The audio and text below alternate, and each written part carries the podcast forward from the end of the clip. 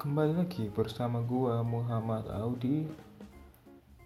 Itu berarti lu sedang mendengarkan Bincang Shadow Podcast untuk episode 9 Aji. Gua gua tuh jujur buat buat gua tuh paling males kalau nge-podcast itu berdua. Ngebacain opening sama cari pembahasan. Karena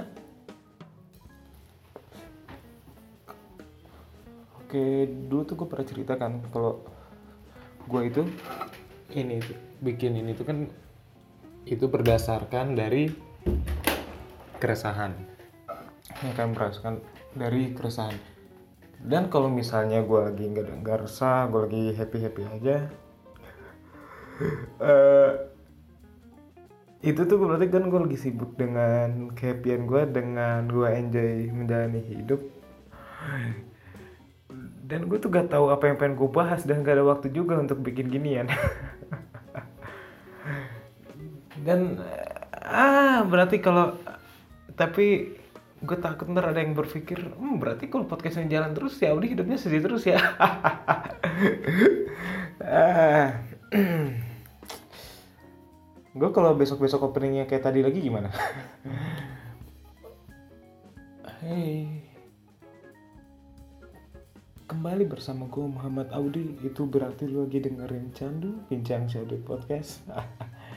Ah ah bersama gue Muhammad Audi itu berarti lu lagi dengerin Candu Bincang Shadow Podcast kali ini untuk episode ke-9 kali ini tuh gue bakal sendiri dulu. Soalnya kemarin udah berapa episode sih? Udah mm, 5 episode tuh kalau nggak salah. Gue tuh mak apa ber, di episode episode itu gue gua dengan tamu gitu dengan beberapa teman gue ada Mega ada uh, pertama Mega terus ada Pras Mega itu gue bahas tentang ketersinggungan tentang keberagaman tentang agama. Uh, yang secara pertama teman gue ini si Mega ini dia tuh agamanya berbeda sama gue. Dia dia Kristen. Tapi gue gue bahas perbedaan itu dan gue berdiskusi. Lalu uh, episode selanjutnya itu waktu itu gue tuh bersama Prasetyo Yoga. Prasetyo Yoga itu teman gue teman SMK terus sekarang dia nah, apa di Jogja kebetulan satu kota ya udah. Gue ngebahas dan itu gue ngebahas tentang sepak bola dan ya ada dikit-dikit nyinggung tentang PSSI tentang Persija juara kemarin terus tentang uh, dikit-dikit nyinggung tentang virality dan ketersinggungan lagi. Setelah itu gue tuh sama Melehoy at Society. Jadi MLH itu dibacanya Melehoy. Melehoy Society itu tahu itu sebenarnya grup tongkrongan gue doang gitu. Grup tongkrongan gue waktu gue SMK sampai sekarang gitu. Maksudnya waktu SMK gue menemukan mereka gitu. Ya di situ gue bahas tentang uh, waktu itu gue bahas tentang circle pertemanan. Ya tentang ya tentang pertemanan sih secara garis besar. Terus dikit-dikit nyinggung viral itu karena pada saat gue membuat tiga episode itu pada saat gue recording itu apa topik viral itu benar-benar yang masih anget banget di kepala gue dan lumayan lama gitu. Lalu setelah dengan Melayu Society gue tuh sama si sama Mak Akbar sama Mak Almon Mak Akbar, Mak Akbar dan Mak Almon itu dia itu salah satu senior gue di komunitas stand up Indo Citerep gue tuh pada saat itu membahas tentang stand up beberapa komik di stand up komedi di Bogor. Terus berbicara tentang public speaking dikit-dikit nyinggung tentang RU promosikan. Ya itu yang paling eh, itu yang paling panjang apa enggak ya? Kayaknya itu yang paling panjang deh. Ya itu paling panjang. Itu satu jam 45 menit. Itu tuh topiknya favorit gue tuh itu sih. Pada saat dengan Mang Amon sama Bang Akbar Saifuddin. Lalu di episode selanjutnya gue tuh bareng Ma Akbar lagi. Ma, tanpa Ma Amon.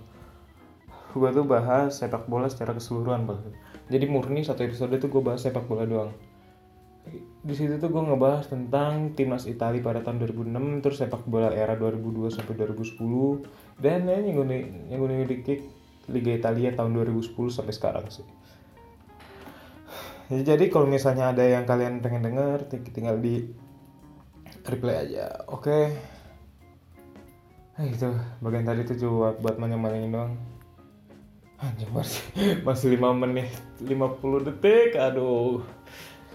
Aduh apa ya? Gue gue oke ini gini.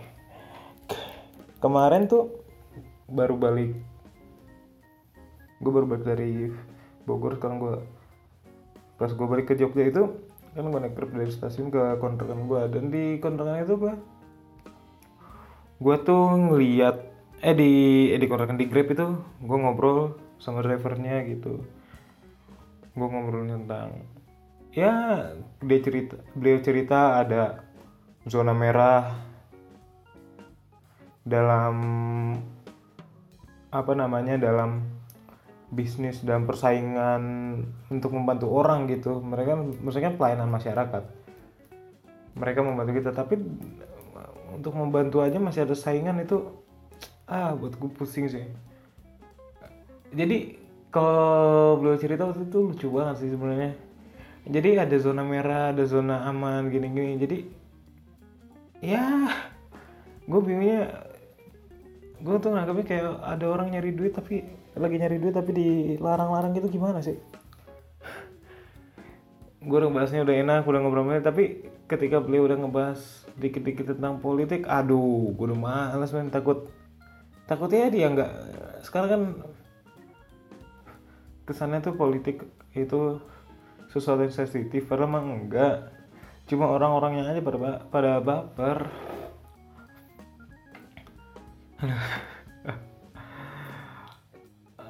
gue juga sekarang lihat di beberapa titik tempat gitu di jalan banner banner politik banner orang nyalek tuh makin banyak apalagi di dekat rumah gue deh di Bogor itu ada satu titik ya.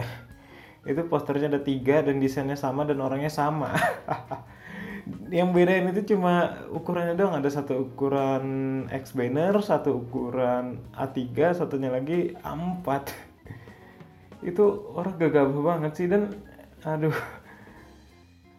Kalau perhatiin banner politik tuh kenapa desainnya begitu ya? Serius.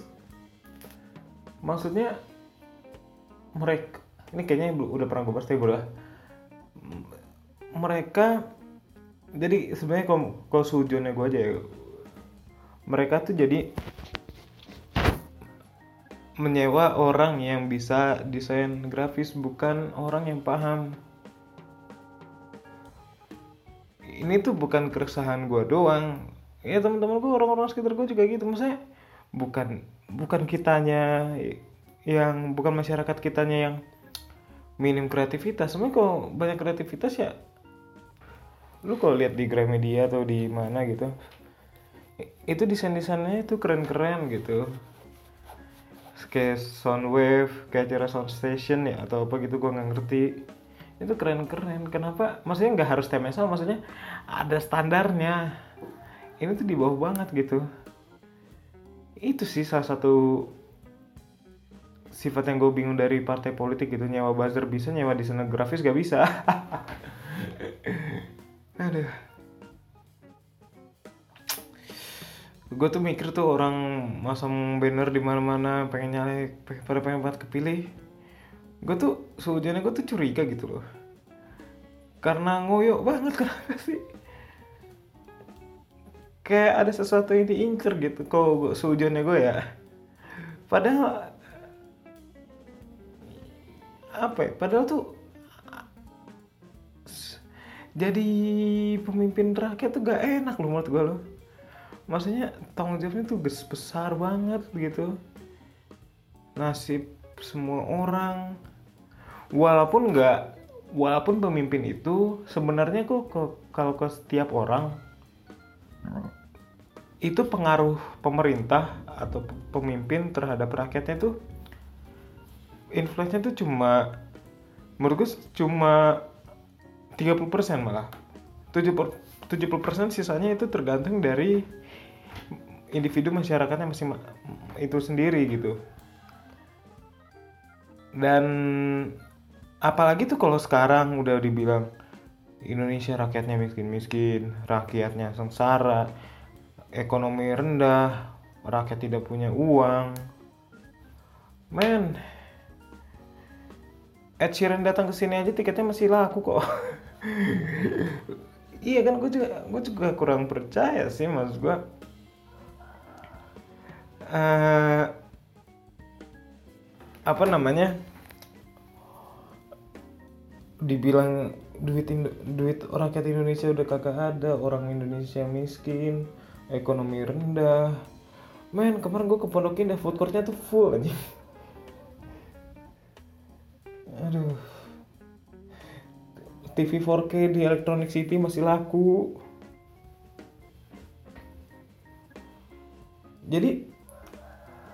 Sebenarnya tuh kalau menurut gue dari individunya aja gitu. Dan oke, okay, ini gue punya ini yang menarik. Jadi kemarin itu gue tuh sempat ngobrol sama ya saudara saudara gitu ngobrolin tentang kemarin dia bilang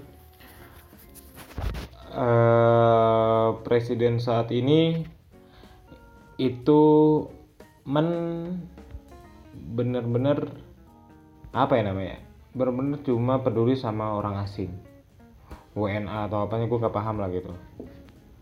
Pertama gini dia bilang kalau misalnya warga asing datang dan melamar pekerjaan orang tuh lebih memilih untuk meng-hire si warga negara asing tersebut dibandingkan untuk meng-hire si warga negara kita sendiri di mana itu Indonesia. Uh, alasannya apa? Ya dia juga belum tahu gitu uh, dan di sini tuh konteksnya jadi kalau yang gue tangkap tuh kayak dia ini malah pengen oke okay lah kalau kita anggap asing itu musuh lalu gue bikin analogi uh, misalnya lawan eh jangan lawan deh saingan gitu. Misalnya ada saingan lu pengen menang dari saingan lu. Patutnya lu hilangkan saingan lu atau lu mengkuatkan diri lu sendiri.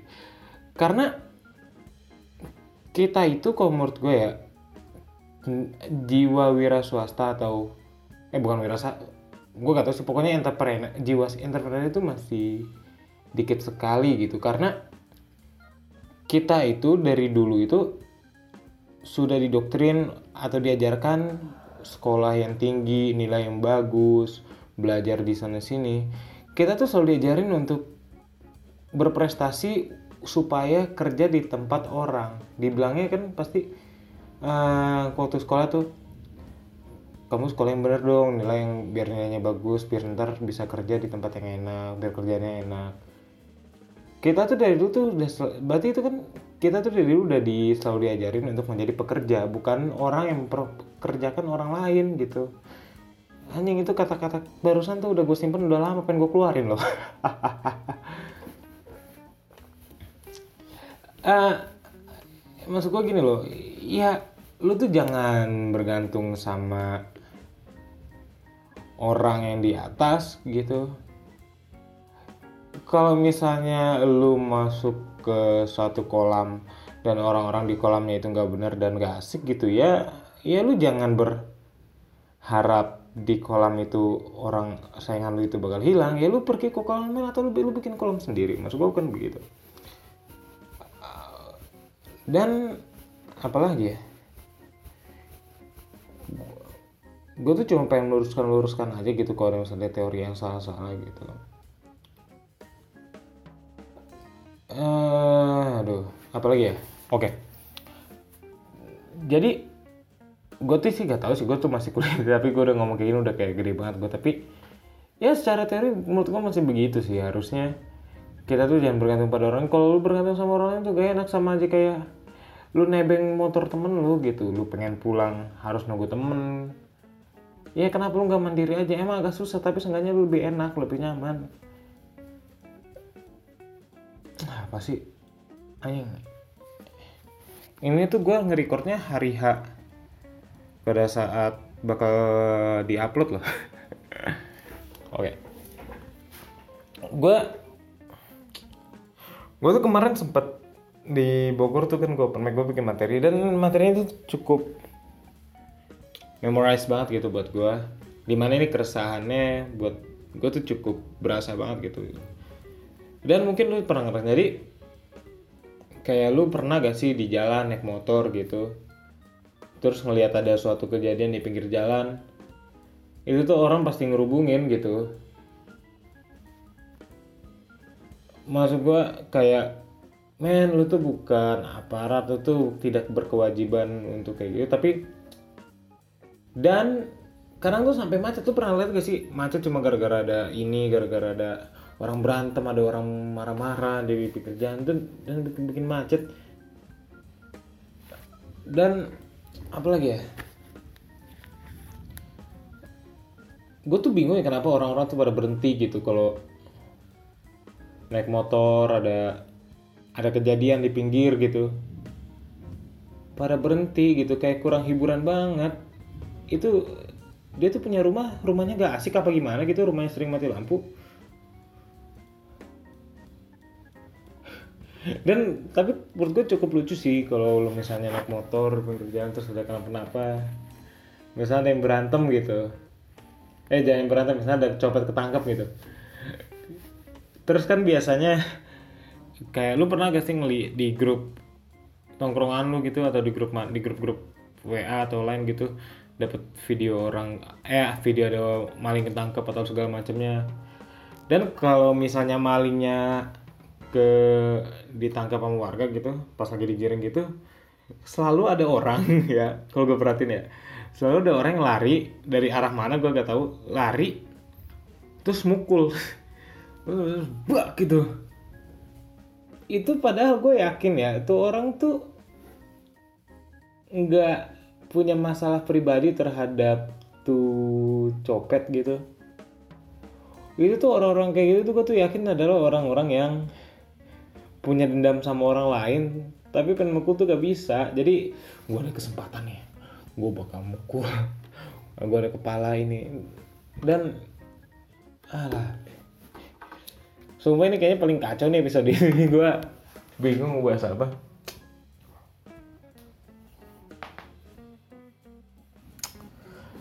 Uh, dan yang unik lagi kalau di kalau ngomongin tentang pinggir jalan gitu kalau misalnya ada kejadian entah itu copet atau apa gitu entah kenapa selalu ada yang ngerekam For what, man? For content, of course.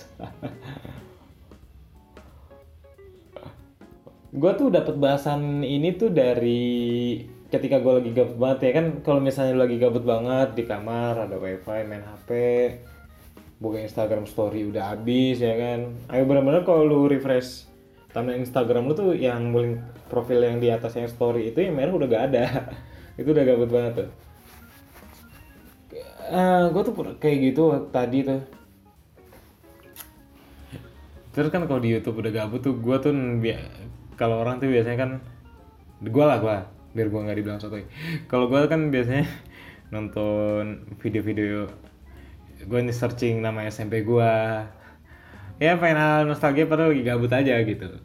Udah gitu searching apa pisau tertajam pisau tertajam di dunia gitu-gitu kan. Nah dan salah satu tontonan gue kalau gitu tuh ya orang ribut gitu. Tapi gue gue suka mikir ya ini kan di itu kan pasti ada yang ngerekam.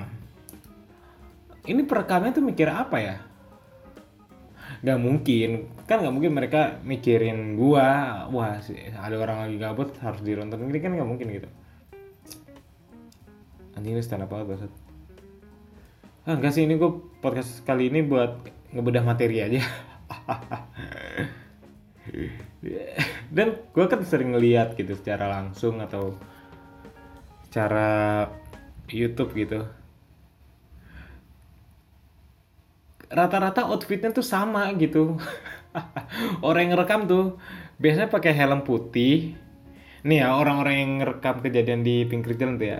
Itu tuh biasanya pakai helm putih pakai jaket Honda yang bonus beli motor tau gak sih lu? Yang hit, hitam belakangnya ada tulisan Honda biasanya pakai benang merah. Terus di belakangnya juga ada tulisan biasanya tuh prihatin motor gitu-gitu nih dan entah kenapa gitu. Rata-rata tuh kalau mereka lagi ngerekam entah itu kejadiannya siang, pagi atau malam flashnya tuh selalu nyala. Biasanya siang gitu matahari lagi cerah awan kagak ada. Kenapa harus pakai flashnya tuh? Maksud gua ini tuh dunia tuh masih panas masih terang. Ini dunia tuh masih terang masih panas. Nyokap gua tadi pagi nyuci baju nyuci baju dijemur barusan juga udah kering. Jadi dunia tuh masih panas. Kenapa pakai flash sih? Itu ada pasalnya lagi tapi gue keluarin gak ya? Anggap nggak penasaran juga sih lu pada ya, gue tuh bingung aja gitu kenapa? Kar kayak dulu tuh gue pernah di Twitter tuh dengan baca tweet-tweet gitu di Twitter. Jadi ada orang mobilnya kebakar jadi ngeluarin api gitu dari mesinnya. Dia minta tolong sama orang di sekitar ada bapak-bapak gitu. Dan orang bapak-bapaknya tuh malah ngeluarin HP terus ngerekam. Anjing kalau gue jadi bapak-bapak gue begitu gak ya Yaudah, jangan sampai gue mending jadi bawa bapak gue mending nanti kalau gue jadi bawa bapak yang nge-forward nge-forward jokes dari grup WhatsApp ke grup lain gitu dibanding ngerekam kejadian di jalan.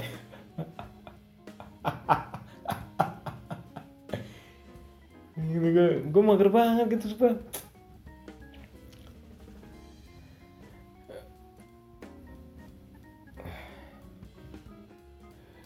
Eh, tapi entah kenapa ya kadang tuh kalau misalnya orang Indonesia suka bilang konten ini pembunuhan konten ini pembodohan konten ini gini lalu kalau lihat yang trending trending aja dari satu sampai itu pasti ada video orang kecelakaan kecelakaan atau orang berantem.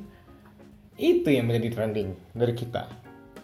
Kenapa? Itu yang mesti dipermasalahkan. Kalau pakai teori gue tadi kalau gabut nonton itu berarti pengangguran di Indonesia apakah masih banyak?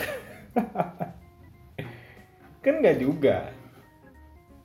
Itulah ya. Entah kenapa sebenarnya kalau lu nonton teater di kampus-kampus atau di komunitas teater atau lu nonton komunit lu nonton film-film buatan komunitas-komunitas saja belum PH profesional gitu. Filmnya itu bagus-bagus. Tapi entah kenapa yang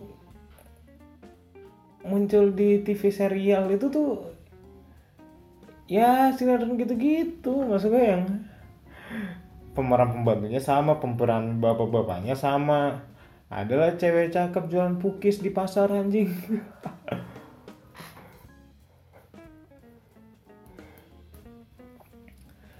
Masuk gua ini makin bukti kalau kalau selera gue tuh gak tahu ya hal-hal itu tuh bisa terjadi.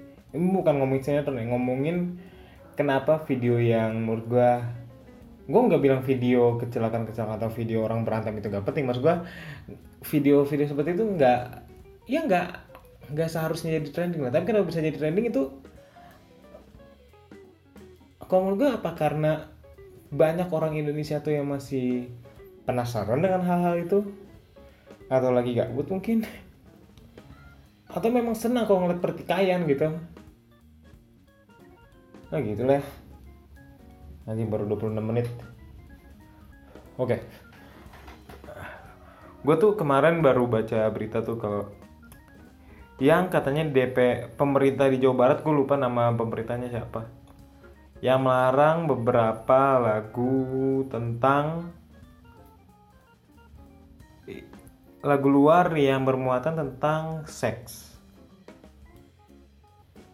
Itu kenapa yang gue bingung. Kenapa hal ini tuh masih terjadi? Karena seks itu bukan sesuatu yang negatif. Kalau bukan apa ya? Bukan sesuatu yang negatif pada dasarnya gitu. Dikarenakan ya setiap orang kan untuk menikah memiliki lalu memiliki apa sih namanya memiliki momongan atau keturunan gitu kan harus melakukan seks. Ya kan?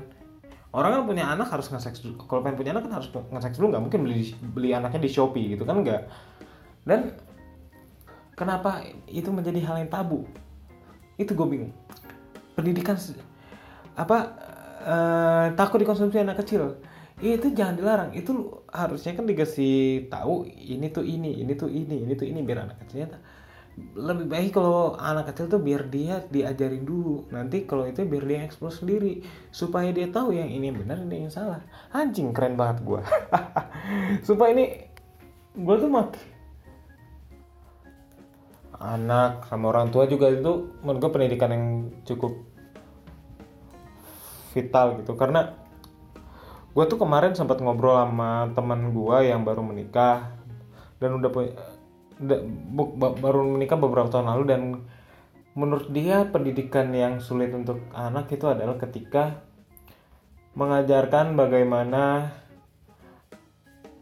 anak itu bisa meng bisa mengkonsumsi yang sudah boleh dia konsumsi gitu. Misalnya kayak ya main HP bolehnya pas gini gini gini gini karena dari situ pantauan orang tua terhadap apa yang anak itu akses atau anak itu lihat kalau menggunakan gadget itu udah makin sulit. Ya kan? Dan gue tuh sekarang ngelihat anak-anak udah bisa nembus internet positif untuk nembus situs, situs bokep itu gue tuh bingung loh antara bangga karena nih anak ini maksudnya udah giat pada dengan IT pada umur segitu atau anak-anak ini sebenarnya sama aja sih.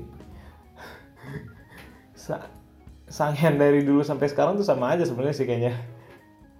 Kalau dulu lebih pintar aja sekarang yang kalau dulu lebih susah kalau sekarang lebih gampang. Apa sih anjing ah udah lah gitu aja. Thank you dah. Adios